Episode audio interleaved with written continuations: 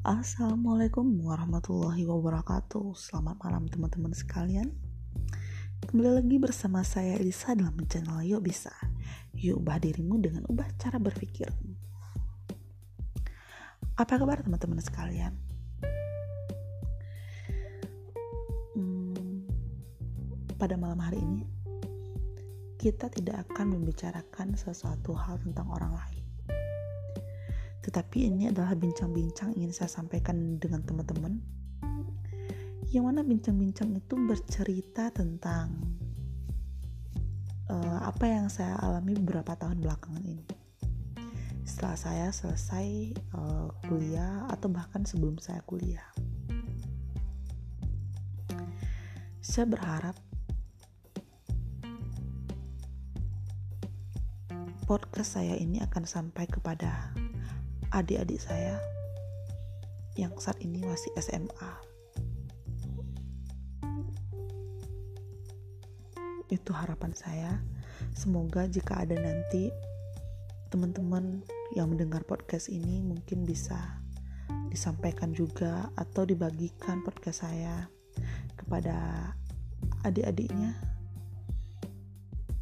karena hal ini akan berhubungan dengan masa depan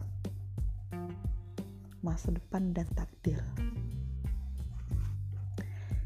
Jadi gini teman-teman, aku nggak mungkin ini bahasanya formal. Oh formal enggak enggak, enggak. Gini aja, aku ingin berbagi kepada teman-teman. Kita santai saja aku berasal dari keluarga yang boleh dikatakan ekonominya di bawah rata-rata gitu. Ayah aku bekerja sebagai petani yang hanya mampu untuk menghidupi uh, keluarganya yang saat ini, yang saat itu berada hanya aku dan adikku. Waktu aku tamat SMA, adikku akan memasuki jenjang SMP. Jadi teman-teman, kalau untuk melanjutkan pendidikan ke jenjang kuliah, ayah aku rasanya nggak sanggup karena dalam hal ini ibu aku bekerja hanya sebagai ibu rumah tangga yang sehari-hari pekerjaan ibuku mengurus keluarga orang tuaku ada uh, beternak sapi cuman nggak banyak. Cuman satu ekor. Kalau itu kalau aku nggak salah cuman eh satu ekor entah dua ekor aku lupa. Jadi setelah aku tamat SMA aku rasanya nggak pengen untuk melanjutkan pendidikan aku ke jenjang berikutnya. Awalnya pas semester 2 kan kita tuh lagi asik uh, lagi asik-asiknya cari tempat kuliah gitu kan. Karena akan ada jadwal pengisian untuk SNMPTN kala itu. Jadi kita akan masuk kuliah dengan jalur undangan. Kita nggak perlu ujian nggak perlu bayar uang pendaftaran. Jadi waktu itu aku antusias btw aku jurusan aku waktu SMA itu IPS karena alhamdulillah aku memiliki kelebihan dalam pelajaran ekonomi akuntansi. Jadi ketika pengisian SNMPTN aku mengambil pilihan jurusan di salah satu kampus ternama di provinsi aku dengan jurusan akuntansi, yang mana jurusan tersebut adalah jurusan dengan peminat nomor satu di kampus tersebut dalam pengisian SNMPTN. Aku benar nekat, aku nggak pinter-pinter banget, cuma alhamdulillah juara kelas dan pernah juara umum. Tapi aku juga menyadari kemampuan aku, tapi entah kenapa waktu itu aku pede. Aku pengen merubah uh, pemikiran aku aku ingin keluar dari zona nyaman aku.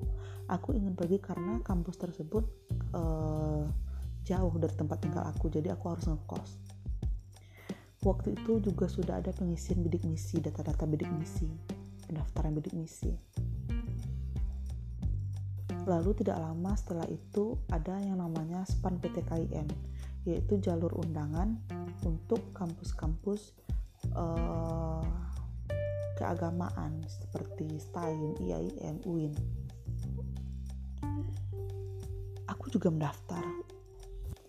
Jurusan pertama waktu itu aku pilihan pertama aku ambil bimbingan konseling dan uh, yang kedua aku ambil jurusan perbankan syariah.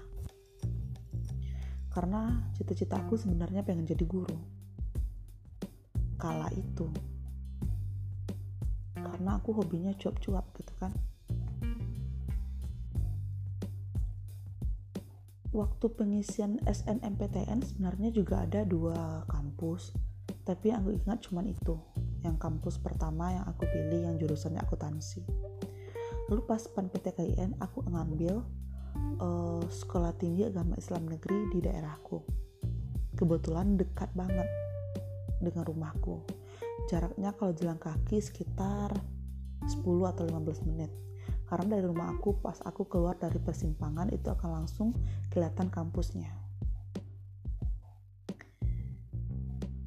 Lalu pas pengumuman pas pengumuman uh, eh, SNMPTN aku dinyatakan tidak lulus.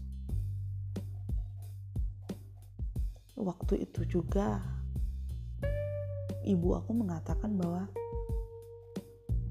dia tidak sanggup untuk membiayai aku jika aku melanjut ke pendidikan ke jenjang berikutnya. Aku juga mengerti, mungkin karena ekonomi pas-pasan, aku juga tidak ingin memberatkan orang tua aku. Namun di sisi lain, setelah itu, saudara-saudara aku. Aku lima bersaudara, kakak aku yang tertua jarak umur aku 16 tahun, yang kedua 15 tahun, kemudian ada abang aku, jarak umur aku dengan abang aku sekitar 13 tahun ya 13 tahun. Setelah itu baru aku lahir. Jadi kakakku yang pertama hmm, suaminya bilang nggak apa-apa lanjut aja kuliah. Bagaimana nantinya? Nanti difikirkan. Kita akan cari solusi pertama bersama. Yang penting kuliah dulu Semoga nanti kalau di daerahku istilahnya membangkit batang terandam. Mana tahu nanti bisa mengubah nasib keluarga. Terus aku kekeh bilang, sebenarnya cita-citaku untuk kuliah semenjak keluar pengumuman SNPTN, aku sudah tidak punya keinginan lagi untuk kuliah. Karena aku juga kasihan dengan orang tua aku.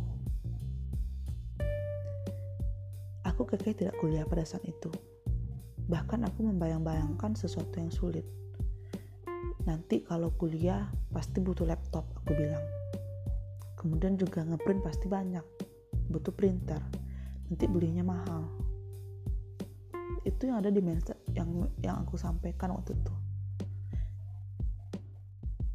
Terus mereka tetap memberikan nasihat-nasihat sama aku. Keluarga aku tetap memberi nasihat. Pada saat itu ayahku bilang, ibuku juga bilang kalau aku kuliah mereka tidak sanggup untuk membiayai aku. Bagaimana nanti kalau seandainya aku berhenti di tengah jalan?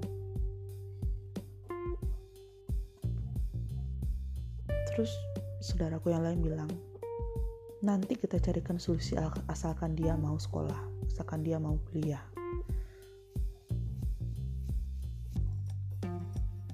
Sayang sekali kalau dia tidak kuliah. Karena dia berprestasi. Aku sebagai juara aja di sekolah orang tuaku alangkah bangganya keluarga aku. Sampai akhirnya aku bilang gini, pengumuman SPAN PTKIN belum keluar. Nanti kalau aku keluar pengumumannya dan aku lulus, aku mau kuliah. Kalau enggak, aku enggak kuliah. Aku akan cari pekerjaan. Tapi mungkin memang takdir aku untuk kuliah. Alhamdulillah, aku lulus. Tapi pada pilihan kedua, pada jurusan perbankan syariah. Alhamdulillah, karena aku juga minat membahas sesuatu berkaitan dengan ekonomi. yang biasanya kalau di SMA pembahasan ekonomi secara umum alhamdulillah lalu uh, ada salah uh, salah satu salah seorang tetangga aku waktu itu dia bertamu ke rumah. Dia ingin uh, meminta pupuk kandang. Bercerita sama orang tua aku kebetulan profesinya adalah sebagai seorang guru. Dia mengatakan bahwa uh, ada beasiswa Basnas bagi mahasiswa yang akan uh, memasuki perkuliahan uh, untuk membayar uang muka. Kebetulan di rumahnya dia memiliki uh, warung internet kala itu masih marak-marak. Terus aku edit di rumahnya dia bantuin aku dan alhamdulillah uang itu keluar. Dibantu juga oleh saudaraku. Akhirnya aku bisa masuk ke sekolah ke, ke bangku kuliah. Aku bisa kuliah. Dan waktu itu juga mungkin rezeki dari Tuhan. Pas hari terakhir pas dua hari terakhir menjelang uh, penutupan pendaftaran bidik misi di kampusku ada teman SMA aku dia mau ngurus. Jadi meminta surat ke sekolah. Jadi waktu itu kami ngurusnya barengan berdua tinggal kami.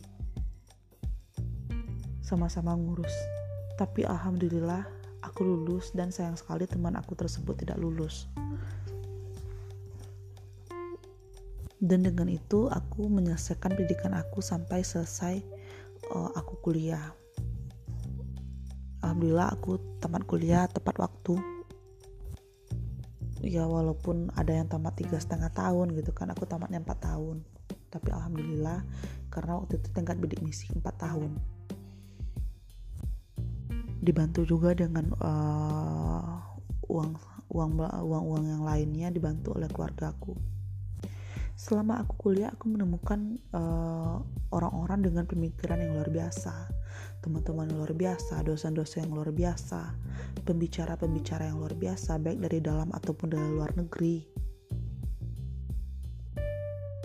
hal itu dapat merubah mindset aku. Aku aktif organisasi bertemu dengan orang dengan ada yang tipikalnya keras maunya dengerin aja ada yang tipikalnya lembek ada yang iya aja. Lalu uh, pas aku detik-detik aku akan tamat kuliah saat pengurusan skripsi aku mulai stres. Karena tentu ada dosen tentu punya kesibukan lain-lain jadi nggak nggak selalu bisa aku temui. Ditambah lagi uh, aku berpikir setelah aku tamat aku mau ke mana ya? Karena gini teman-teman kalau aku untuk bekerja di perbankan aku bukanlah orang yang suka bekerja berbaur langsung dengan customer. Aku lebih suka untuk melakukan pengarsipan. Setelah aku melakukan praktek uh, magang aku lebih cocok di pengarsipan. Kenapa? Ketika aku berada di depan customer. Uh, mungkin gimana ya? Aku nggak pede aja. Kenapa? Karena rata-rata orang yang berada di belakang di frontliner banking frontlinernya itu rata-rata tinggi uh, cantik uh, berat badannya ideal gitu kan. Aku menyadari secara tinggi mungkin aku menang. Secara komunikasi public speaking aku oke. Okay. namun secara berat badan aku nggak profesional. Dengan tinggi aku 167 dan berat badan aku 87 kilo. Aku nggak pede dengan itu kan dan aku juga yakin aku tidak akan bisa diterima sebagai frontliner dan ketika aku akan terjun langsung kepada masyarakat mencari-cari nasabah rasanya itu bukan aku gitu. Aku nggak bisa melakukan karena untuk mencapai memang itu adalah sesuatu tantangan. Jenjang karirnya ada. Tapi aku tahu kemampuan aku, aku tidak akan bisa melakukan hal tersebut. karena aku rasa aku tidak sanggup aku uh, bisanya ingin bekerja di belakang di bagian back office itu adalah uh, diri aku berkutat dengan berbagai bahan, berkutat dengan berbagai dokumen, file-file.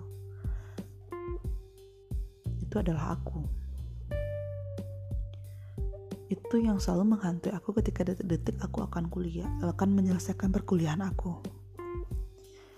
Sampai akhirnya aku wisuda. Waktu itu kebetulan ada pendaftaran CPNS. Aku juga coba daftar. Tapi alhamdulillah mungkin belum rezeki aku nggak lulus pas seleksi administrasinya aku nggak lulus lalu aku memasukkan uh, lamaran-lamaran via email uh, via pos kebetulan aku tamat bulan November tahun 2019 dan bulan Desembernya uh, virus corona sudah mulai uh, menjadi berita yang hangat tetapi masih terjadi di Cina belum di Indonesia. Bulan Januari masih aman aku masih ada ngirim berkas bulan Januari via pos. Kemudian ada juga beberapa lewat email. Sampai pertengahan Januari kalau aku nggak salah aku masih kirim. Lalu tiba-tiba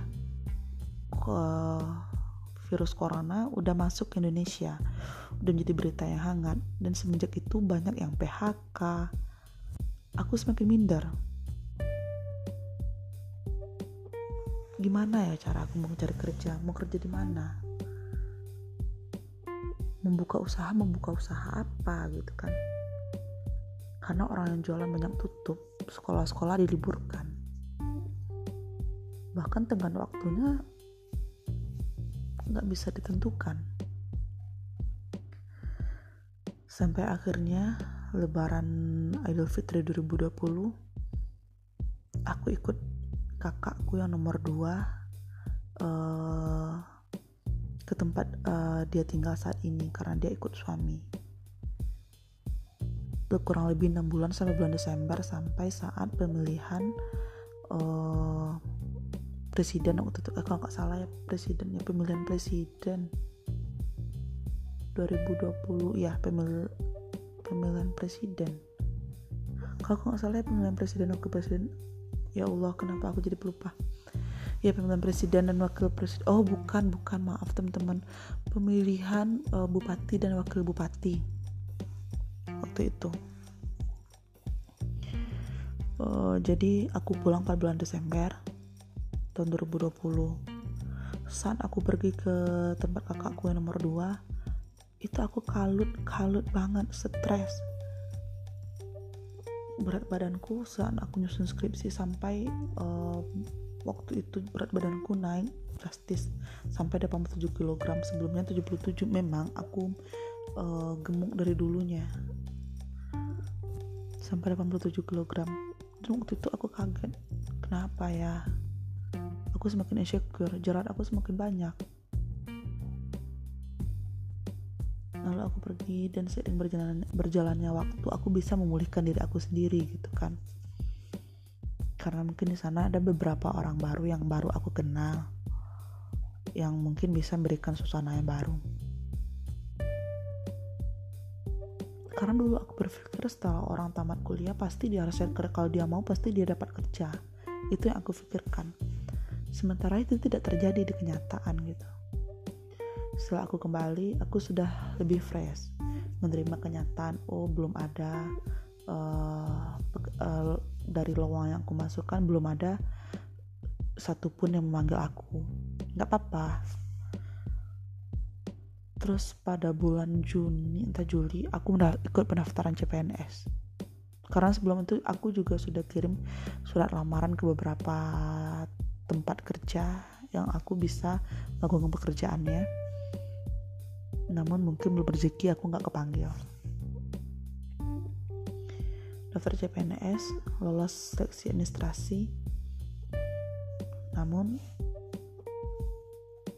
mungkin belum takdir aku nggak lolos juga seleksi tahap kedua yaitu tes uh, seleksi kompetensi SKB SKB seleksi kompetensi. Pokoknya yang yang setelah administrasi kan kita ada ujian gitu kan. Aku nggak lolos. Um, karena nilai aku secara passing grade aku ada satu nilai aku yang kurang 5 digit lagi. Uh, dan juga secara ranking aku jauh, uh, agak sedikit jauh di bawah. Tapi ya sudah uh, mungkin itu juga bukan jalan aku itulah sampai saat ini aku masih uh, aku sudah bukan fresh graduate lagi ya. Masih ber, ber berapa ya? Aku masih ya gini aja gitu. Belum bekerja masih nganggur gitu. akan tetapi sisi positif yang bisa aku ambil adalah kalau aku nganggur aku lebih banyak waktu sama keluarga aku. Karena mungkin selama kuliah aku sibuk dengan di kampus organisasi pergi ke sana ke sini ikut organisasi. Aku jadi bingung dengan jurusan aku yang seperti ini nggak banyak loh lowongan yang dibuka gitu karena rasanya tuh bekerja di perbankan umur juga dibatasi. Saat ini umur aku udah 24 kalau nggak salah maksimal umur untuk mendaftar pekerjaan di perbankan 25 berarti jatah waktu aku cuma satu tahun lagi sampai tahun depan. Sebenarnya ini dilema. Cuman ini aku kembalikan lagi kepada diri aku. Kalau aku bekerja aku mungkin akan semakin banyak kehilangan waktu bersama keluarga aku. Aku akan semakin sulit untuk uh, berkomunikasi, berinteraksi. Aku semakin tidak tahu, oh keluarga aku seperti ini, seperti ini. Karena jujur aku akui semenjak SD, SMP, SMA sampai aku kuliah, aku hanya sibuk belajar, belajar, belajar. Sekolah, sekolah, sekolah. Dan aku tidak tahu, oh saudaraku seperti ini karakternya seperti ini, yang seperti ini seperti ini, yang ini begini. Jujur aku nggak tahu. Tapi pada akhirnya secara perlahan setelah aku selesai kuliah aku jadi memahami segalanya. Aku tahu beban hidup itu seperti apa gitu. Karena biasanya kalau oh nggak ada uang begini oh ya sudah bisa diundur untuk pembayaran apa pun itu. Tapi ternyata hidup itu nggak sederhana itu. Hidup itu pelik. Jadi apa yang aku sampaikan kepada teman-teman di sini? Kenapa tadi aku bilang tolong di share kepada adik-adik kita yang masih berada di bangku SMA. Tolong sampaikan kepada mereka ketika nanti mereka mengisi uh, data-data untuk SNMPTN, uh, SPAN PTKIN, pilihlah sesuatu yang berdasarkan kemampuan mereka yang memang benar mereka ingini. Jangan berdasarkan gengsi. Kenapa? Kalau ternyata kamu lulus di sana kamu tidak akan mampu bisa nggak kamu bekerja? Pahami potensi diri kita dan pahami kekurangan diri kita. Lalu baru nanti kita pilih. Kalau aku pilih jurusan ini nanti bekerjanya di sini dan pekerjaannya seperti ini. Dan aku pasti akan bisa melakukannya. Kalau rasanya kita memiliki postur tubuh yang uh, mohon maaf gempal seperti aku yang gemuk jangan ambil jurusan perbankan. Kenapa? Karena rata-rata orang yang bekerja di lingkungan keuangan itu menentukan uh, berat badan ideal, apalagi perbankan.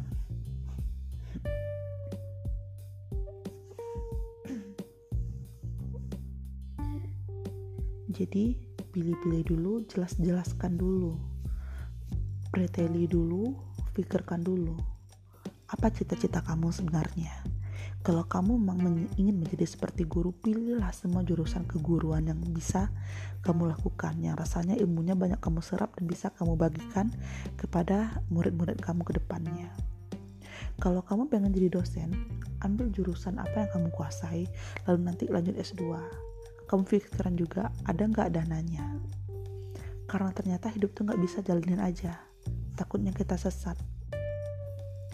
Dan juga buat uh, adik-adik yang masih di bangku kuliah saat ini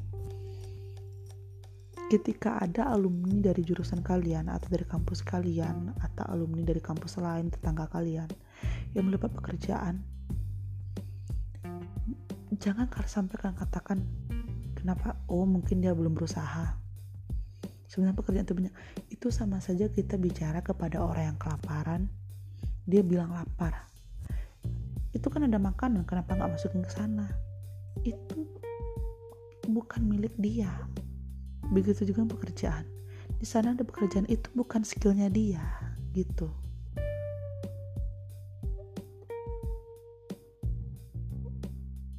Dan juga untuk teman-teman yang sama seperti aku yang belum dapat pekerjaan masih menjadi beban keluarga. Kalian jangan berkecil hati ada hikmah dari setiap hal yang terjadi dalam kehidupan kalian.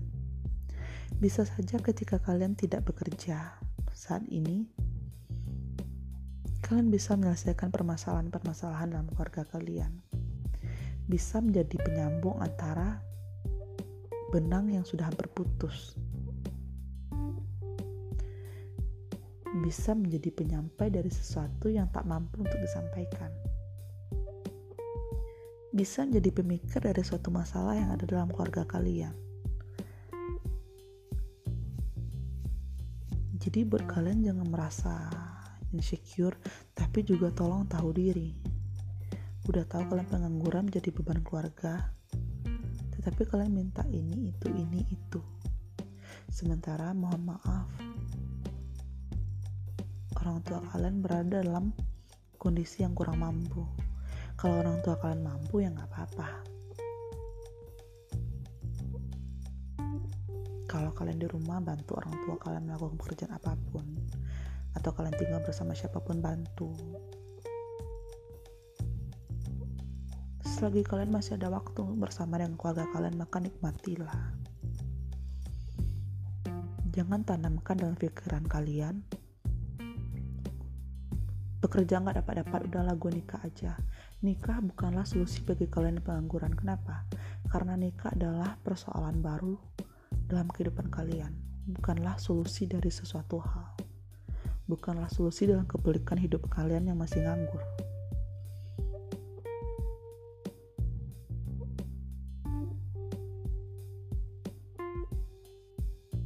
Mungkin saja masih banyak kekurangan kalian dalam keluarga, makanya kalian diberikan waktu untuk dekat dengan keluarga kalian. Nikmatilah selagi kalian bisa.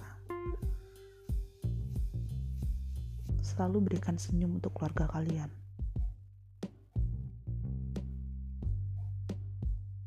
Mungkin ada teman-teman yang seperti ini. Wah lo enak gak dituntut kerja sama orang tua lo? Kamu enak gak untuk kerja sama orang tua kamu?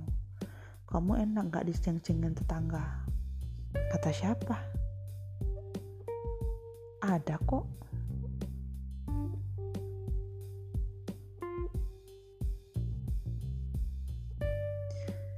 Karena sebenarnya masalah-masalah yang kita hadapi saat ini sudah dihadapi juga oleh orang lain, hanya saja cara menyikapinya berbeda.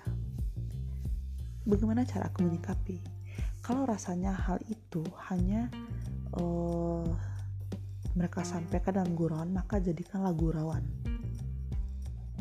namun kalau nyatanya mereka menyakiti kamu, kata-kata mereka pedih. Ya sudah, untuk esok harinya lagi, jangan dekat-dekat dengan dia, jangan terlalu dekat. Lindungi diri kamu. Karena yang tahu diri kamu, potensi kamu adalah diri kamu sendiri.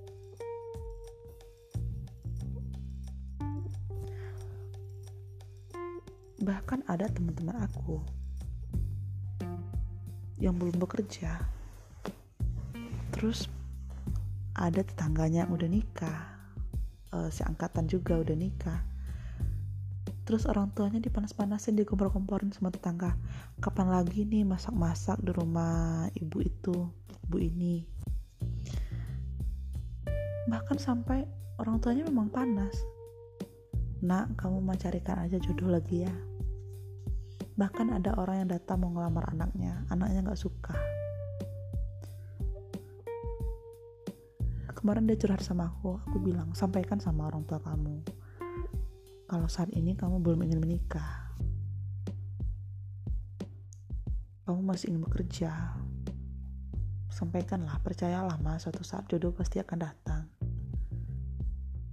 Ada juga yang bilang kalau kita ngomong kayak gitu suatu saat pasti jodoh akan datang. Terus dibilang kalau nggak dicari datang dari mana? Teman-teman nggak harus menggatal keluar untuk mencari jodoh. Nggak harus gatal definisi jodoh itu pasti ada pasti pasti akan ada. Kata-kata itu nggak salah perlu teman-teman keluar. Ha ke sana ke sini. Nggak perlu. Bergaul lah bersosialisasi lah sewajarnya. Jangan berpenampilan seperti ingin uh, menggoda orang lain gitu.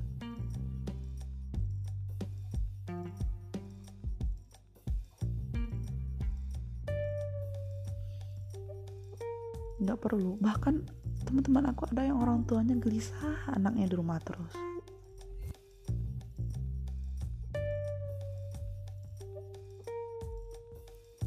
Karena kalau kita dengerin kata orang kita mah serba salah sama orang. Kalau prinsip aku gini kita ini adalah matahari. Sakit aja mata orang ngelihatnya silau aja mata orang ngelihatnya soalnya mereka biasa ngeliat bulan. Indah sih. Cuman kalau kita ngeliat sekeliling kita jadi buram gitu.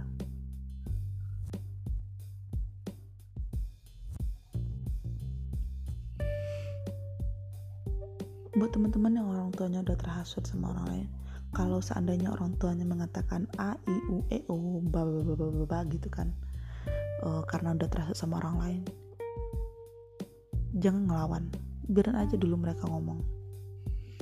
Nanti secara perlahan teman-teman masuk bahwasanya satu saat teman-teman akan seperti ini akan begini akan begitu. Karena kalau orang tua teman-teman panas teman-teman panas nggak akan ketemu. Perlahan lah seperti teman-teman mampu menerima keadaan. Jadi gini ketika saya mampu menerima keadaan saya saat ini saya belum uh, bekerja tidak sedang dekat dengan pria mana pun saya sudah menerima keadaan itu kamu yang harus menerima diri kamu terlebih dahulu baru nanti orang di luar diri kamu seperti orang tua, keluarga pasti akan menerima. Yang namanya tetangga mah orang lain mah emang ngurusin kita kerjaannya. Iri aja panas aja lihat kita ngapain, kita mah serba salah. Gini deh, pasti di antara teman-teman ada punya tetangga yang gini. Ih, kok belum nikah sih gini gini gini. Udah nikah, ih kok belum punya anak sih? Atau kalau punya anak cepat ih cepet banget. MBI enggak ya? Ah terus punya anak. Ih anaknya hitam. Kalau enggak satu aja anaknya. Nggak bakal pernah puas mulut manusia buat kita jadi teman-teman harus terima dari teman-teman dulu kenal dari teman-teman potensi teman-teman baik itu adik-adik aku yang masih SMP SMA Kenali diri kalian. Kenali apa cita-cita kalian sebenarnya, apa keinginan kalian. Kalau memang kalian tidak ingin kuliah, jangan kuliah. Tapi kalau memang takdir mengizinkan kalian untuk kuliah seperti yang aku alami tadi, maka itu ada jalan untuk kalian. Makanya ketika kalian mengisi isian seperti SNMPTN, SPAN ikut SBMPTN, hati-hati pilih jurusan.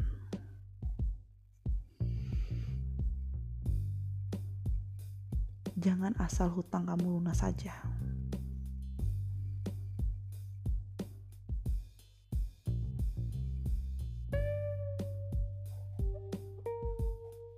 Banyak di luar sana teman-teman aku yang semasa SMA nggak sekolah. Mungkin sore itu sih ada yang nggak tamat sekolahnya, SMA-nya saat ini anaknya udah SD kalau aku nggak salah kelas 2 apa kelas 1 anaknya. Kebetulan ketemu di pasar aku waktu SM, SMP SMA kan dipanggilnya mami sama teman-teman. Jadi kalau ada teman-teman aku teman-teman SMP atau SMA ketemu di bangku kuliah pasti manggilnya mami. Karena badan aku gede waktu itu lagi musim-musimnya uh, sinetron kanjeng mami kanjeng mami yang ada sule yang ada kang sulenya.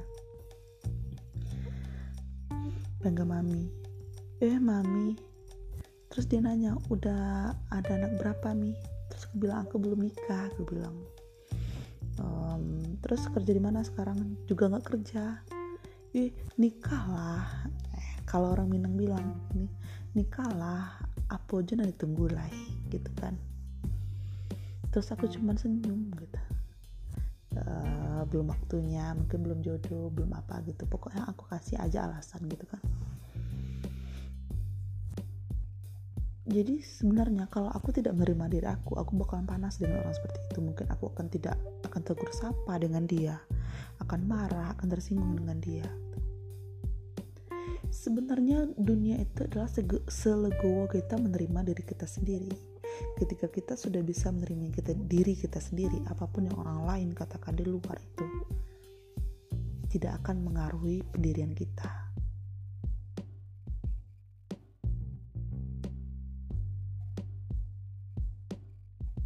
jadi dari sekian banyak uraian aku aku cuma pengen bilang gitu. Ini adalah cerita aku pribadi bukan cerita yang aku ambil dari orang lain karena ini aku yang rasakan. Terima diri kamu sendiri kenali potensi kamu. Terima diri kamu kenal potensi kamu dan insya Allah aku yakin kamu akan menjadi pemenang dalam hidup kamu walaupun di mata orang lain kamu dianggap sebagai pecundang Mungkin sekian untuk saat ini. Assalamualaikum warahmatullahi wabarakatuh.